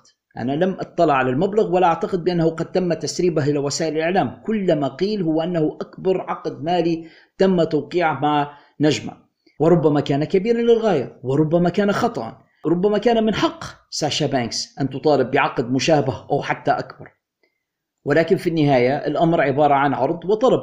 وإذا لم يكن ال WWE يرى بأن ساشا بانكس تستحق هذه الأموال فهم لن يدفعوها لها. وأعتقد بأنه بمقدور ال WWE تعويض هذا الغياب الطويل لشارلوت التي لن تعود إلى الحلبات قبل شهر أكتوبر المقبل بنجمات أخريات. سواء من الموجودات معهم الآن بالفعل في NXT من أمثال تيفاني ستراتون التي أراها الخليفة الطبيعية لشارلوت وبمقدورها بالفعل حل محلها أو بنجمات أخريات في ال indies الآن أو في الاتحادات المستقلة من اللواتي أصبحن في الفترة الأخيرة free agents أو حاولنا ترجمة الكلمة إلى العربية عميلات حرائر. أعتقد بأن هذه هي الترجمة القريبة من المعنى. الفكرة بأنهن قد أصبحن الآن متاحات للتوقيع معهن. هناك نجمة أخرى ممتازة هي كميل بريكهاوس التي كانت مع the NWA وأصبحت هي الأخرى free agent أيضا يوم واحد واحد. كميل حتى في الشكل تشبه شارلوت كثيرا وهي مصارعة ممتازة جدا. وأعتقد بأنها لن تطالب بالكثير من الأموال كذلك. فلو سارع ال WWE إلى التوقيع مع كميل أعتقد بأن بمقدورهم أن تعوض النقص الذي تركته شارلوت. هذا ناهيكم طبعا عن المصارعات الموجودات بالفعل في ال WWE عليه وبناء على ما تقدم فأنا أعتقد بأن ساشا بانكس أو مرسيدس مونيه أو مرسيدس فارنادو أو ايا ما كان اسمها باتجاهها بالفعل إلى ترويجية مصارعة كل النخبة. وبأن توني خان مستعد أن يقوم برهن بيته بل ربما رهن الشركة كلها إن لزم الأمر للحصول على الأموال الكافية لرميها عند قدمي مرسيدس ويبقى السؤال هو هل جلب مرسيدس مونيه إلى AEW هو الحل لمشاكل الشركة؟ هل بمقدور ساشا أن تجلب الجمهور الذي غادره وتعيده من جديد لمتابعة عروض هذه الشركة؟ إحدى مشاكل AEW الكثيرة أن القسم النسائي لديهم ضعيف. ضعيف جدا في الواقع وليس فقط ضعيف. وجلب مرسيدس موني ربما يساهم في إصلاح مشاكل القسم ولكن لا أعتقد بأنه كاف وحده لجعل هذا القسم قسما رائع على سبيل المثال. علينا أن ننظر إلى الشركات التي لديها قسم نسائي جيد ونتساءل ما هو السر. السر في أن NXT لديهم قسم نسائي ممتاز أو Impact Wrestling لديهم قسم نسائي ممتاز. هو أنه بكل بساطة لتلك الشركتين مركز لتدريب النساء. هناك مدرب أو مدربة ويقومون بتمرين النساء على تأدية المباريات ضد بعضهن البعض بشكل آمن حتى يصلوا إلى درجة من الإتقان لكي لا يقوموا بعمل botches أو أخطاء واضحة داخل الحلبة. AEW ليس لديهم ذلك وليست لديهم الرؤية للقيام بذلك. ولذلك نرى الأخطاء الكبيرة جدا التي تحدث وتتكرر داخل حلبة نساء AEW وأصبحت مباريات النساء في AEW من أسوأ المباريات حتى إن صح وصفها بالمباريات. وما أكثر المصارعات السيئات والفاشلات داخل AEW أثينا أبادون جوليا هارت القائمة طويلة. والمصارعات البارعات القليلات اللواتي لديهم لا يقومون باستخدامهم. عندهم مصارعة ممتازة زي ثاندر روزا ولا يستفيدون منها. لديهم سرينا ديب مصارعة ممتازة جدا ولا يستفيدون منها. ويتركون السيئات داخل الحلبة. مرسيدس مونيه وحدها لا تملك العصا السحرية لا يمكنها لوحدها أن تصلح ما أفسده الدهر هناك في AEW وعليه فأنا غير متفائل بجلب مرسيدس مونيه إلى ترويجية مصارعة كل النخبة ولا أعتقد بأن الأثر الذي سوف تحدثه سيزيد كثيرا عما أحدثه إحضار نجم زي إدج السابق آدم كوبلاند الآن والذي لا يستطيع أن يحدث الفارق هناك. المشكلة في ترويجية مصارعة كل النخبة أعمق من مجرد جلب هذا الاسم أو ذاك هم بحاجة إلى تغيير شامل. يبدأ من الأعلى من توني خان نفسه وصولا إلى أسفل الشركة. هم بحاجة إلى إعادة هيكلة بالكامل. من رأس الهرم إلى أسفله. من كلمة elite التي ينبغي أن يتخلصوا منها إلى كل الأشياء الأخرى التي نشاهدها الآن. أما والشركة تعاني من كل هذه المشاكل التي تكلمت عنها في هذه الحلقة وفي حلقات سابقة. فأنا لا أعتقد بأن جلب ساشا بانكس أو غيرها من النجوم بمفردهم كاف لإصلاح هذا العطب الكبير. وما زلنا أعزائنا المستمعين مع أخبار ترويجية مصارعة كل النخبة وبطلهم السابق الذي خسر اللقب في عرض Worlds End لحساب النجم سمو جو ام جي اف فبعد تلك الخسارة لاحظ المتابعون بأن اسم MJF قد تم حذفه من الموقع الرسمي للترويجية. ما جعل الكثيرين يتكهنون بأن الشركة قد أنهت علاقتها ب MJF وبأن MJF ربما كان متوجها إلى the WWE أنا الآخر كنت أعتقد بأن MJF ربما لم يوقع عقدا جديدا مع الترويجية وبأنه بمجرد أن يخسر اللقب سوف يغادر الشركة وربما يتوجه بالفعل إلى WWE حتى تابعت عرض الدفع مقابل المشاهدة. ولاحظت ال production الكبير والبرومو الكبير الذي حظي به MJF قبل وأثناء دخوله إلى الحلبة. واستطيع أن أقول لكم بأنه ليس ذاهبا إلى أي مكان. لن يقوم AEW بمنح كل ذلك الهيلمان لمصارع مغادر للشركة. مستحيل. رأينا كيف عاملوا أندرادي على سبيل المثال في مباراته الأخيرة معهم. ورأينا سوء المعاملة والتهميش والمباراة السيئة التي وضع فيها. بل نستطيع أن نقول أصدقائي وبكثير من الثقة بأن ذلك الدخول الكبير الذي حظي به MJF في عرض Worlds End والذي تخلله لقاءات مع أشخاص من مدينته رود آيلاند وكل منهم يرتدي شالا شبيها بالشال التقليدي الذي يرتديه MJF دائما وهم يرددون العبارات المميزة التي يقولها and he's our scumbag وهو وغدنا نحن ونحن نحبه والجمهور يهتف له ما كانوا ليقوموا بكل هذا وهو غير موقع معهم وسيترك الشركة. إضافة إلى ذلك فإن القصة التي كان متورطا فيها موضوع الشيطان ويتبين بأن الشيطان هو صديقه آدم كول الذي كان أعز أصدقائه و و و لن يتركوها هكذا معلقة لكي يغادر ويذهب إلى شركة أخرى. ما دامهم قد قاموا بهذه النهاية ال cliffhanger للقصة فهذا معناه بأن MJF سوف يعود وقريبا جدا إلى All Elite Wrestling وعليه فلا تصدقوا ما يقال في بعض المواقع وبعض صفحات التواصل الاجتماعي. لا أعتقد بأن MJF ذهب إلى أي مكان وسوف يبقى مكانه هناك متنيل في All Elite Wrestling. وأحسن بصراحة أنا لا أريده أن يذهب إلى WWE خليه في مكانه في AEW هو يستحقهم وهم يستحقونه. خبرنا الأخير لهذه الحلقة أصدقائي المستمعين يأتينا من أرض الشمس المشرقة من اليابان وتحديدا من شركة نيو جابان برو التي أعلنت بأن مصارعها هيروشي تاناهاشي سوف يتولى مسؤولية إدارة الشركة كذلك. شخصيا أنا لست متأكدا إذا ما كان تاناهاشي سوف يواصل دوره داخل الحلبات كمصارع بالإضافة إلى توليه رئاسة الشركة ولكنني أعتقد بأن ذلك سيكون شيئا سيئا وتعارضا للمصلحة إذا ما كان سوف يكون مصارعا ورئيسا للشركة في نفس الوقت. وكثيرا ما تكلمت عن هذا في حلقات سابقة من البودكاست ونرى أثر ذلك في شركات مثل All Elite Wrestling على سبيل المثال حيث مصارعون يتولون في الوقت ذاته مسؤوليات إدارية داخل الشركة لإليت على سبيل المثال ومصارع آخر يترأس لجنة التأديب وهكذا. أعتقد بأن هذه دوما وصفة للفشل. إذا كان نيو جابان يريد أن ينجح مع تاناهاشي فالخطوة الأولى هي أن يترك الحلبات تماما أن يقوم بتعليق حذاء المصارعة وأن يتفرغ فقط لدور الإدارة. وبيني وبينكم مستوى تناهاشي في الفترة الأخيرة سيء للغاية وأنا أعتقد بأن عليه فعلا أن يعتزل الحلبات وربما كان بخبرته كمصارع يستطيع أن يكون مديرا جيدا للشركة ولكن شرط ذلك أن يترك الحلبة تماما سوف نأخذ فاصلا قصيرا الآن أعزائنا المستمعين وعندما نعود منه ستكون معنا فقرة وقت الحكاية. ترى ما هي الحكاية التي سوف أقصها عليكم في حلقة هذا الأسبوع؟ هذا ما سوف نعرفه بعد هذا الفاصل فلا تذهبوا بعيدا. What many people don't realize is that it's at that moment when the bombs stop falling, when the dust has actually settled, that the vast majority of medical and mental health needs among children really begin to emerge.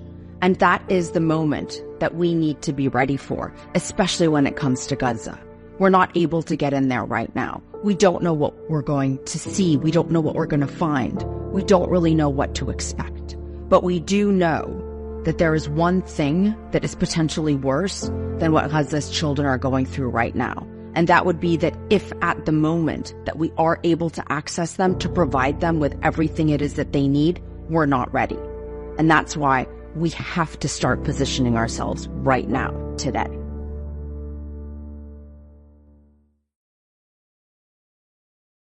ورجعنا لكم أعزائنا المستمعين وحلقة هذا الأسبوع من بودكاست في الحلبة In the Ring Where It Matters. والتي استمعنا إلى صوتها في الإعلان الذي قمت ببثه على أسماعكم آنفا. هي أروى ديمن رئيسة منظمة إنارة. هذه المنظمة التي تحاول العمل داخل قطاع غزة المنكوب. هم الآن يقومون بإفادة أطباء وطواقم طبية ومساعدات إنسانية للضحايا داخل قطاع غزة ولكنهم بحاجة إلى مساعدتنا. فكل إنسان بمقدورة أن يتبرع ولو بدرهم ولو بسنت ولو بأي شيء تركت لكم في وصف هذه الحلقة رابطا إلى موقع المنظمة ويمكنكم عن طريق الرابط أن تتبرعوا. هذا بالنسبة للناس الذين لديهم بالفعل إمكانية الدفع الإلكتروني أونلاين أنا لا أقول لكم تعاملوا مع إنارة فقط هناك الكثير من المنظمات والجمعيات بارك الله فيها التي تحاول إيصال المساعدات إلى أهلنا في غزة. منهم على سبيل المثال هنا في ليبيا وتحديدا في مدينة تجورة مركز الشيخ علي الغرياني للكتاب. هذا المركز يقوم هو الآخر بجمع المساعدات ومحاولة إيصالها سواء كانت مالية أو عينية. فاللي عنده أي حاجة ويبي يحاول يساعد بها أهالينا في غزة لا تترددوا في ذلك من يعمل مثقال ذرة خيرا يره والله لا يضيع أجر من أحسن عملا وأخوتنا هناك في غزة بحاجة إلى كل درهم نستطيع أن نساعدهم به. واللي ما عندهش فلوس وغير قادر على الإنفاق فلا يحزن ولا يقنط. بمقدورك بعد أن تساعد إخوانك في غزة ولو بالدعاء. والدعاء سلاح المؤمن. أرفع يديك وادعو الله سبحانه وتعالى أن ينصرهم وأن يرفع هذا البلاء عنهم. كذلك يمكنك المساعدة بمقاطعة المنتجات التي تدعم العدو الصهيوني وهي كثيرة جدا أقلها علبة البيبسي التي ربما كانت في أيدي البعض منكم وأنتم تستمعون إلى هذه الحلقة. دعوها من أيديكم. لا تشربوا تلك القاذورات. دعوها تفسد عند التجار الذين يقومون بجلبها حتى يتعلموا ألا يتعاونوا مع هذه الشركات. أيضا بمقدورك الخروج في وقفات احتجاجية تأييدا لإخوتنا في غزة. غدا الجمعة وفي كثير من الدول العربية والإسلامية بل وفي دول العالم يخرج الناس للتظاهر تأييدا لإخوتنا في غزة واحتجاجا على هذه المذابح الصهيونية الوحشية.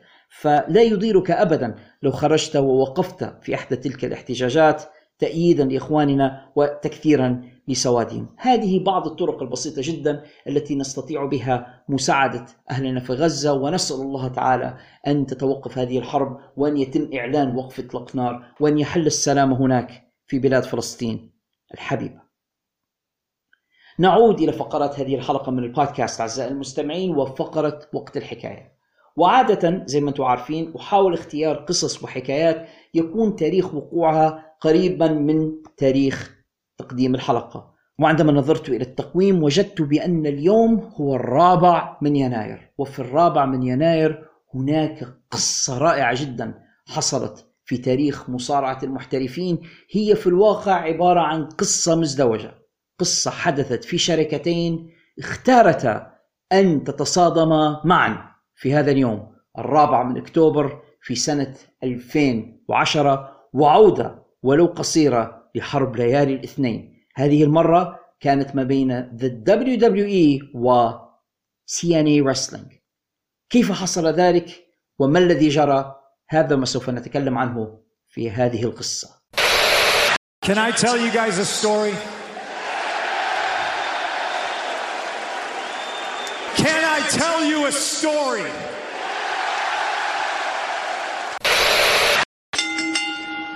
لكي أحكي لكم هذه القصة أعزائي المستمعين لابد أن نبدأ من شركة TNA تلك الشركة التي بدأت بدايات متواضعة جدا وكان الجميع يسخر منها وقال الكثيرون بأنهم لن يدوموا في المجال أكثر من ستة أسابيع.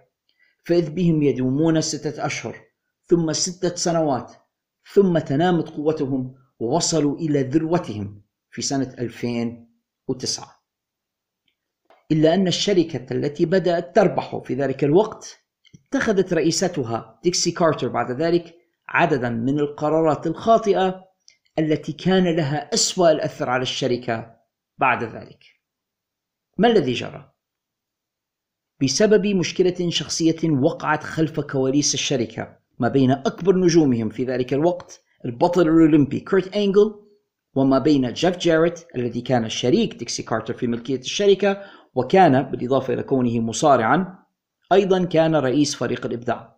بسبب هذه المشكلة الشخصية غضبت ديكسي كارتر على جيف جاريت.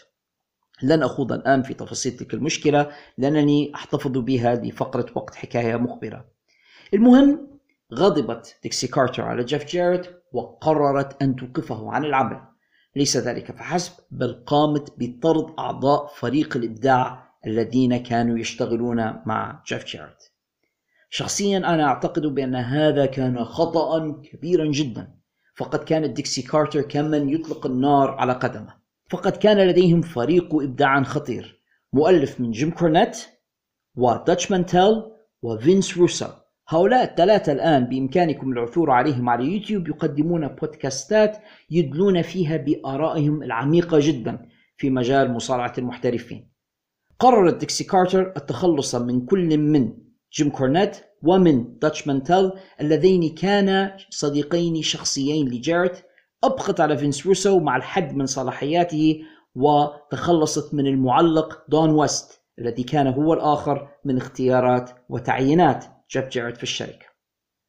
بعد ذلك ذهبت ديكسي كارتر للتسوق بحثا عن مدراء ومنظمين جدد لشركة TNA المثل الأمريكي يقول If it's not broken don't fix it. إذا لم يكن الشيء مكسورا فلا تقوم بإصلاحه. والحقيقة أن TNA في تلك الفترة بالفعل كانوا يقدمون عروضا ممتازة ومستويات رائعة للغاية. قررت ديكسي القضاء على كل ذلك والبدء من جديد. أول شخص قامت ديكسي كارتر بالاتصال به كان بول هيمن وبول هيمن في ذلك الوقت لم يكن مع ال WWE واستمع إلى عرض ديكسي كارتر ولكنه طلب الكثير من الأموال غالى. في الطلبات وقال لها بأنه إذا ما جاء إلى الشركة فإنه سوف يقوم بطرد جميع المصارعين الذين يفوق أعمارهم الأربعين سنة. وهذا ما لم يكن مناسبا لفكر ديكسي كارتر التي كان لديها بالفعل الكثير من المصارعين الذين كان عمرهم فوق الأربعين وكانوا يتألقون بالفعل على حلبة TNA فلماذا تتخلص منهم؟ ولذلك لم تقم بالتوقيع مع بول هيمن. فقط لتفاجأ ديكسي كارتر العالم بعد ذلك بقليل بالإعلان عن التوقيع مع هولك هوغن وإيريك بيشوف ليكونا فريق الإبداع الجديد والقوة المتحكمة بشركة TNA Wrestling.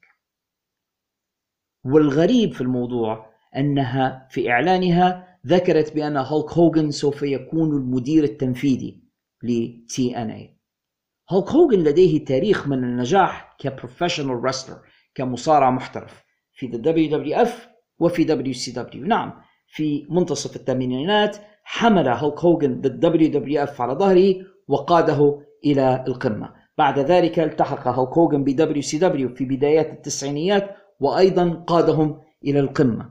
ولكن كمصارع وليس كمدير لم تكن لهولك هوغن خبرة إدارية سابقة. إلا أن ديكسي كارتر قررت بأن هولك هوغن سوف يكون مدير الشركة وقامت أيضا بالتوقيع مع إيريك بيشوف بصفته المستشار الإداري لهولك هوغن.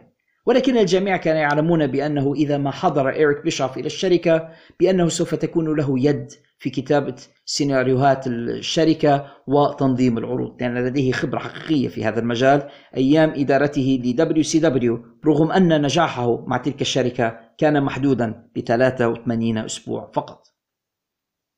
وبالفعل تم الإعلان عن هذا التوقيع الأسطوري وبعد ذلك أعلن تياني عن إذاعة حلقة خاصة من عرضهم التلفزيوني Impact على شاشة Spike TV ليلة الاثنين الرابع من يناير سنة 2010 وذلك ليكون الظهور الأول للنجم الأسطورة هولك هوغن والمفاجآت الكبيرة التي سوف يحملها إلى الشركة.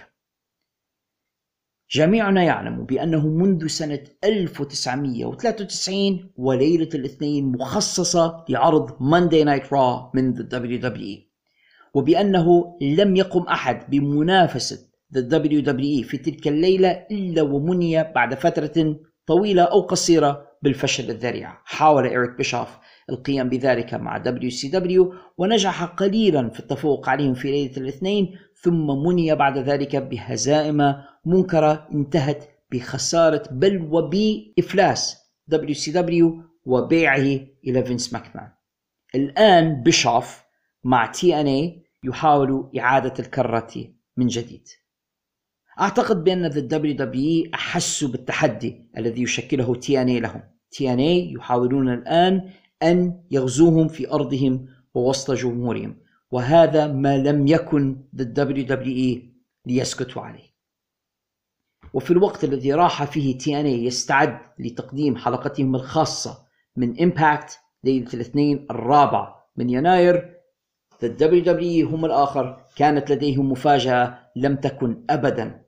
في الحسبان بريت هارت الأسطورة الذي غادر WWE في تلك القصة التي لطالما حكيت عنها هنا في هذا البودكاست. The Montreal Screwjob يبدو بأن the WWE قد تواصلوا معه في رغبة في المصالحة وفي دفن الفأس كما يقولون. يقول بريت هارت بأنه قد تعب من الأحقاد ومن المشاكل ما بينه وما بين the WWE وتعب أكثر من حمل الضغينة في قلبه. كان يريد إنهاء المشكلة والتصالح مع فينس ماكمان ومع شان مايكلز وإنهاء هذه المشكلة التي طالت في ذلك الوقت لمدة 12 سنة. ولذلك عندما تواصل معه the WWE وعرضوا عليه بالفعل أن يعود إلى حضن الشركة وأن يتصالح معهم وافق بريت هارت على ذلك.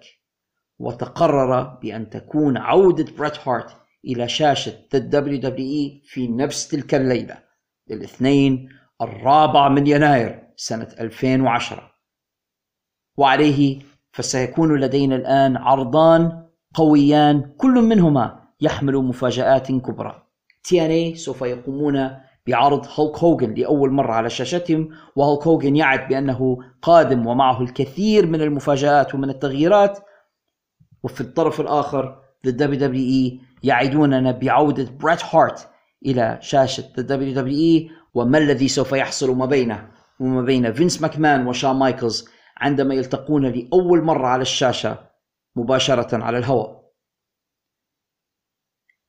هذه الأخبار بثت أجواء من الحماسة في عالم مصارعة المحترفين وبدأ الكثير من الصحفيين والمدونين يكتبون عنها وعن عودة حرب ليالي الاثنين وهل سوف نرى بالفعل ال new Monday Night War حرب ليالي اثنين جديدة ما بين الشركات ولكن هذه المرة بدل دبليو سي دبليو تي ان اي وبالفعل تم بث الحلقتين بالنسبة ل TNA كانت حلقة مليئة بالمفاجآت حصل فيها الكثير مما لم يكن في الحسبان حيث لم يحضر هولك هوجن وحده في ذلك العرض بل حضر كذلك للشركة جيف هاردي وكانت مفاجأة كبيرة رأينا ريك فلير لأول مرة في TNA أيضا كانت من المفاجآت الكبرى. حضر مع هولك هوجن في تلك الحلقة The Outsiders سكوت هول كيفن ناش وأكس باك. رأينا كذلك The Nasty Boys. ميك فولي كان هناك الكثير من النجوم الذين حضروا في تلك الحلقة المميزة من TNA Impact. وأعتقد بأن واحدة من اللقطات الأيقونية من الحلقة عندما رأينا في منتصف الحلبة. هولك هوجن سكوت هول كيفن ناش أكس باك وإيريك بيشوف وتلك الكلمة التي قالها سكوت هول عند التئام الشمل. The band is back together again.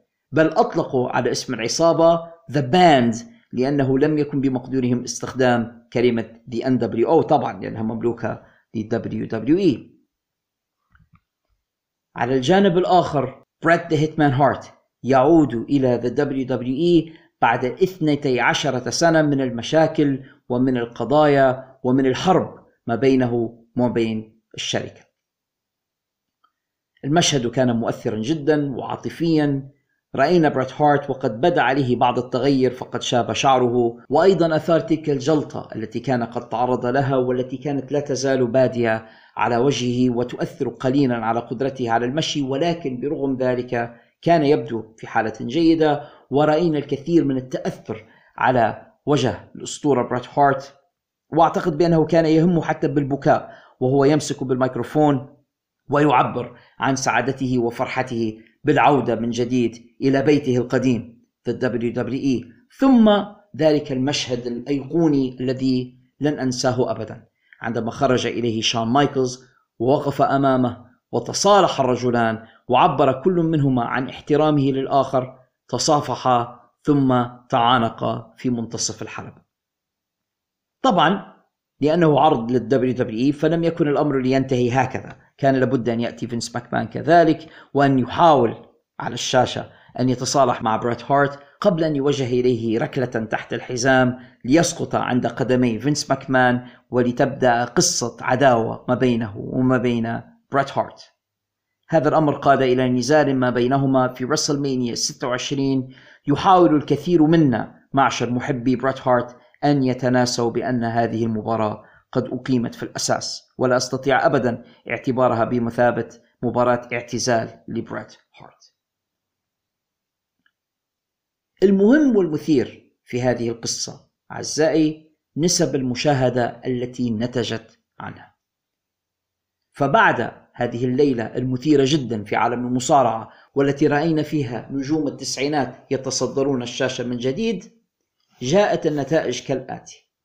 تمكن TNA من إحراز نسبة مشاهدة هي 2.2 كان عدد المشاهدين الذين حضروا حلقة Impact لتلك الليلة يبلغ حوالي 2.5 مليون مشاهد. هذا رقم كبير جدا لا تحرزه الشركات اليوم. أما على الطرف الآخر WWE فقد أحرزوا معدلا عاما بلغ 3.6 مليون مشاهدة وهذا رقم هائل. وعند لحظة ظهور بريت هارت على الشاشة بلغت نسبة المشاهدة قرابة خمسة مليون. نحن لم نعد نسمع بأرقام مثل هذه في هذه الأيام ولكن في تلك الليلة تمكنت الشركتان من إحراز أرقاما عالية يقول بعض متتبعي وراصدي النسب التلفزيونية بأنها بلغت حوالي 8 مليون مشاهدة في المجمل أثناء بعض لحظات الذروة في الإرسال. 8 مليون مشاهدة. مثل هذه الأرقام تذكرني بأيام الذروة في التسعينات. وبالرغم من أن Monday Night Raw تمكن من الفوز على TNA Impact في تلك الليلة إلا أن الأرقام التي تمكنت TNA من إحرازها كانت كافية لإقناع المسؤولين في قناة Spike TV بنقل عرض Impact إلى ليالي الاثنين بشكل دائم من أجل محاولة تحدي Monday Night Raw في ليلتهم في ليلة الاثنين. إلا أن تلك التجربة أثبتت فشلها الذريع. فبالرغم من أن الليلة الأولى تمكنت من إحراز نسبة مشاهدة تقارب 2.5 مليون إلا أنهم بعد ذلك بدأوا في التراجع بشكل كبير للغاية أمام Monday Night Raw ما أجبرهم في النهاية على العودة إلى ليلتهم ليالي الأربعاء. ولكن وبالرغم من كل ذلك إلا أن تلك القصة كانت جميلة جدا وشاهدنا ولو قليلا لمحة من حرب ليالي اثنين جديدة ما بين الشركتين. والقصتان اللتان عرضتا في تلك الليلة ظهور هالك هوجن لأول مرة مع TNA وعودة الأسطورة بريت هارت إلى WWE. كل منهما استحوذت على اهتمام الجمهور وأشعلت الحماسة في المشاهدين. يحلو للكثيرين السخرية من شركة TNA ويحبون أن يقولوا LOL TNA تي إن اي فاشلة تي إن اي لم تتمكن من تحقيق مشاهدات أو أرباح. ولكن تي إن اي تلك تمكنت ذات ليلة وفي مواجهة مباشرة مع WWE من إحراز أكثر من 2 مليون مشاهدة. هذا ما لا يحرزه الكثير من شركات المصارعة اليوم هذا ما لا يحرزه أبدا شركة مثل AEW فإذا كانوا سيصفون TNA في ذلك الوقت بالفشل أتمنى أن أسمع ما يقوله نفس النقاد عن AEW اليوم. وقبل أن ننهي هذه الحلقة معكم أعزائنا المستمعين خلينا طلة مع بعضنا على ما لديكم من أسئلة واستفسارات في فقرة حقيبة الرسائل لهذا الأسبوع The Mailbag You've got mail.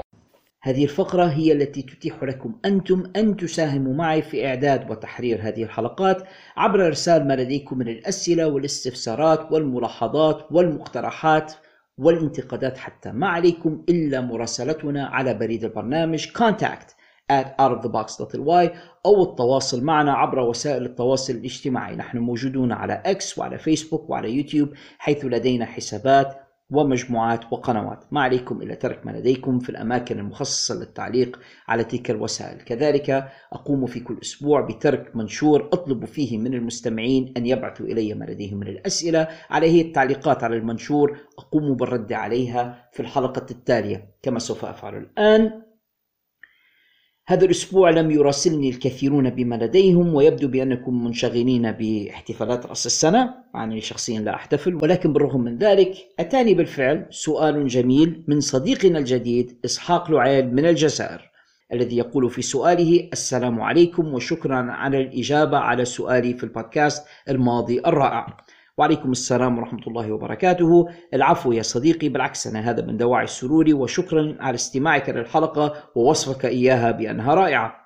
سؤاله لهذا الأسبوع كما يصفه عاطفي قليلا فهو عن أكثر خمسة مصارعين أحبهم وتعلقت بهم أو على الأقل هم أول من أفكر بهم عندما أسمع جملة مصارعة محترفين. بالنسبة لإسحاق فهؤلاء المصارعون هم بريت هارت شون مايكلز أندرتيكر ريك فلير and كينتا كوباشي هو يريد أن يعلم من مصارعي أنا الخمسة المفضلون المصارعون الذين أفكر بهم عندما أفكر في كلمة مصارعة محترفين. شكرا لك يا إسحاق على وفائك وعلى استماعك وعلى تفضلك بإرسال السؤال. بالنسبة لي فإن هؤلاء الخمسة الذين دائما ما أفضلهم على غيرهم في هذا المجال هم مثلك أنت بريت هارت رقم واحد. رقم اثنين بالنسبة لي The Macho Man راندي سافيج رقم ثلاثة ريكي ستيمبوت الرابع ستينج بمختلف مراحله. ثم هناك خلاف أو نزاع داخلي ما بيني وبين عقلي حول الخامس. فالخامس إما ستون كولد ستيف أوستن أو سي ام بانك وما زال لم أحسم هذا الصراع. ربما كان أحدهما الخامس والآخر الخامس مكرر ولكن هؤلاء هم مصارعي المفضلون. فأشكرك صديقي على هذا السؤال في نهاية سؤاله يتمنى من المشاهدين أن لا ينسوا الدعاء لأهل غزة وأهل إدلب وأهل اليمن وأهل الموصل وأهل السودان وأهل ليبيا الذين تأذوا من الإعصار وأهل المغرب من بعد الزلزال فرجا قريبا وسترا كثيرا ومغفرة واسعة تسعهم هم ومن قبلهم ومن بعدهم من هذا البلاء. بارك الله فيك يا صديقنا إسحاق وجزاكم الله خيرا وآمين. اللهم آمين. وأنا معك أدعو لكل هؤلاء وأدعو لجميع المسلمين وجميع الأمة الإسلامية في العالم. وبالنسبة لأهل ليبيا ليس الذين تأذوا من الإعصار فقط من هم بحاجة إلى الدعاء بل لدينا الكثير من المشاكل في ليبيا المحتاجة إلى الكثير من الدعاء. فلا تنسوا الدعاء لنا. أشكرك يا إسحاق مرة أخرى وربما استدراكا على سؤالك أنت قلت المشاهدين وهم في الواقع مستمعون لأن ما أقدمه ليس برنامجا مرئيا أظهر فيه بوجهي ولكنه بودكاست صوتي فهم مستمعون وليسوا مشاهدين على الأقل ليس في هذه المرحلة. أشكرك مرة أخرى يا صديقي إسحاق. واستدراكي على إسحاق هذا يقودني إلى الرسالة التالية والتي أتتني من الصديق حمزة هيثم من سوريا والذي بعث إلي بمقترح هو أن أقوم بتحويل هذا المحتوى اللي هو شايفه مقبول إلى حد ما. مقبول بس يا حمزة؟ على حال يقترح أن نقوم بتحويله إلى برنامج مرئي. أظهر فيه مثل الذين ترونهم في قنوات اليوتيوب المختلفة بشخصي يعني وأن أتكلم وترونني أمامكم على الشاشة مثل بقية اليوتيوبيين الآخرين. أشكرك يا حمزة على هذا المقترح الذي لن أستبعده بالمطلق وبالكلية لأننا دوما في مجال مصارعة المحترفين نقول never say never أو أبدا لا تقول أبدا.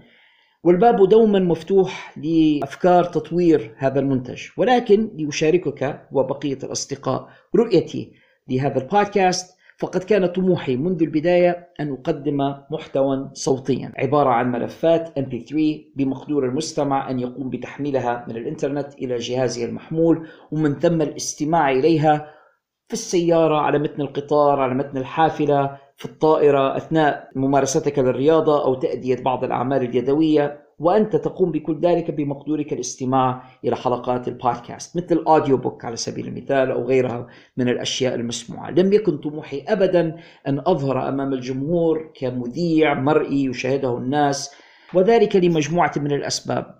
أولها أنا لا أريد أن أكون محور الحلقة لا أريد أن أكون أنا الشخص الذي يتفرج الناس عليه. أنتم هنا للاستماع إلي ونتكلم عن المصارعة. إذا أصبحتم ترونني أنا سأصبح أنا محور الحلقة. وهذا ما لم أكن أريده منذ البداية وهذا أحد الأسباب. سبب آخر يا حمزة يجعلني أحجم عن القيام بذلك هو كراهيتي للتصوير. أنا حقيقة لا أحب شكلي في الصور ولا أحب شكلي أكثر في الفيديو وأتجنب ذلك بقدر المستطاع. ولدي self awareness وحقيقة لا أحب آه، أن أظهر أمام الناس في الصور. أشعر بأن لدي وجه مناسب أكثر للراديو وليس للتلفزيون. فإذا ما تحولت إلى مذيع يقدم لكم هذه الحلقات على الفيديو حقيقة أشعر بأنني سوف أكره مشاهدة نفسي وأنا أقوم بذلك ولهذا لا أفضل القيام به. السبب الآخر الذي يجعلني الآن لا أقوم بذلك هو أنني لا أمتلك الإمكانيات للقيام به أصلا. ليست لدي كاميرا متطورة وليس لدي green screen أو شاشة خضراء وليست لدي كل تلك الأشياء. وأعرف بأنني لست بحاجة إلى أعلى مستوى تقني من الإمكانيات للقيام به ولكنني إذا ما كنت سأقوم به أريد القيام به بشكل مناسب. يعني لن أكتفي بأن أضع الموبايل أمامي مثلا وأصور نفسي بصور رديئة وبشكل لا يليق بالمحتوى الذي أحاول جعله the best in the world. فإذا ما كنت سأقوم بهذا العمل الظهور أمامكم في المقاطع في فيديوهات ترونني فيها فأنا أريد أن أقوم بذلك بأفضل شكل ممكن. ولحد الآن ليست لدي الإمكانيات لذلك فأنا أتجنبه قليلا. ربما في المستقبل أحاول التغلب على خوفي من التصوير وتوفير الإمكانيات اللازمة ومن ثم القيام بذلك ولكنه سوف يغير كل شيء. أنا حقيقة لا أريد أن أنحرف بالبودكاست عن مساره الحالي ومكتف تماما بالتقديم بصوتي ووضع صورة غلاف للحلقة على يوتيوب. تستطيعون رؤيتها الاستماع لصوتي وأنا أحكي هذه القصص والأخبار ومن ثم يكون البودكاست قد وصلكم. ولا أعتقد بأن رؤية سحنتي سوف يحسن من الوضع. كثيرا جدا. ولكنني أشكرك يا صديقي حمزة على هذا الطلب وأشكرك على اهتمامك ومتابعتك في هذا المحتوى الذي تراه مقبول إلى حد ما. أشكرك يا حمزة مرة أخرى. بقية الأصدقاء أين أنتم؟ ها أنتم تسمعون بأنفسكم بأننا في كل حلقة نستحثكم على أن تبعثوا إلينا بما لديكم من الأسئلة والاستفسارات والملاحظات والمقترحات والانتقادات حتى نقوم بالإجابة عنها كلها. هنا على الهواء. ما عليكم إلا إرسالها لتجدوا إجابتها لدينا هنا في فقرة حقيبة الرسائل.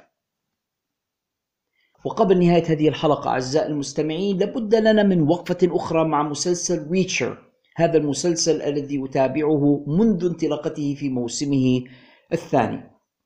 ويبدو بأننا قد حسدنا المسلسل أعزائنا المستمعين. فبعد بث الحلقة 104 من هذا البودكاست قاموا برفع الحلقة الخامسة من المسلسل الذي شاهدته وانحرفوا كثيرا كثيرا جدا عن مسار الرواية رواية Bad Luck and Trouble. ولا أدري لماذا قام منتجو المسلسل بذلك. الرواية زي ما هي مكتوبة ممتازة جدا وتنفع للشاشة. الإضافات التي وضعت والمشاهد التي أقحمت والطريقة التي حرفوا بها المسلسل عن مساره بدأت تفسده في رأيي. ما زال المستوى الإنتاجي للمسلسل عال للغاية. التصوير الإخراج الموسيقى المؤثرات الخاصة كل ذلك في أعلى مستوى.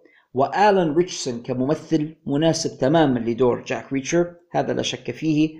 ولكن قيام المخرج وفريق الإنتاج بالانحراف بالعمل عن مسار الرواية المكتوبة يزعجني ويزعج الكثير من قراء هذه الأعمال كثيرا. أنا أرى في بعض المنتديات التي أنا مشترك فيها على فيسبوك أرى محبي روايات جاك ريتشر وهم زعلانين وغاضبين من التغييرات التي يبدو بأن المخرج قد فرضها على الرواية. ولا أستطيع هنا أن أشرح الفرق ما بين المسلسل والرواية لأن عليكم أن تكونوا قد قرأتم الرواية لتدركوا الفرق. ولكن الكثير من الأخطاء الغبية التي رأيتها في الحلقة الخامسة من المسلسل تم تجنبها تماما في الرواية التي أتقن لي تشايلد كتابتها وتغلب على كل تلك الثغرات التي ارتكبها منتجو المسلسل. حتى أنني وأنا أشاهد الحلقة الخامسة شككت بأن ربما توني خان هو الذي قام بكتابة تلك الحلقة. نحن الآن في انتظار رفع الحلقة السادسة من المسلسل والتي ينبغي أن تخرج إلينا بعد بث هذه الحلقة من البودكاست. بإذن الله سوف أشاهدها. وسأخبركم في الحلقة المقبلة من البودكاست إذا ما كانوا قد قاموا بتصحيح الوضع أم أن مسلسل ريتشر وبعد انطلاقة جيدة في الحلقات الأربعة الأولى قد بدأ ينحدر في الحلقات الأربعة الأخيرة منه.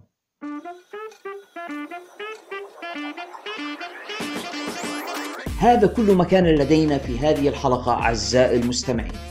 أتمنى في نهايتها أن تكونوا قد استمتعتم بالاستماع إليها بقدر استمتاعي أنا بإعدادها وتقديمها إليكم. إذا كان الأمر كذلك أتمنى لا تبخلوا علي رجاء بترك علامات الخمسة نجمات في الآبس والتطبيقات التي استمعتم إليها من خلالها.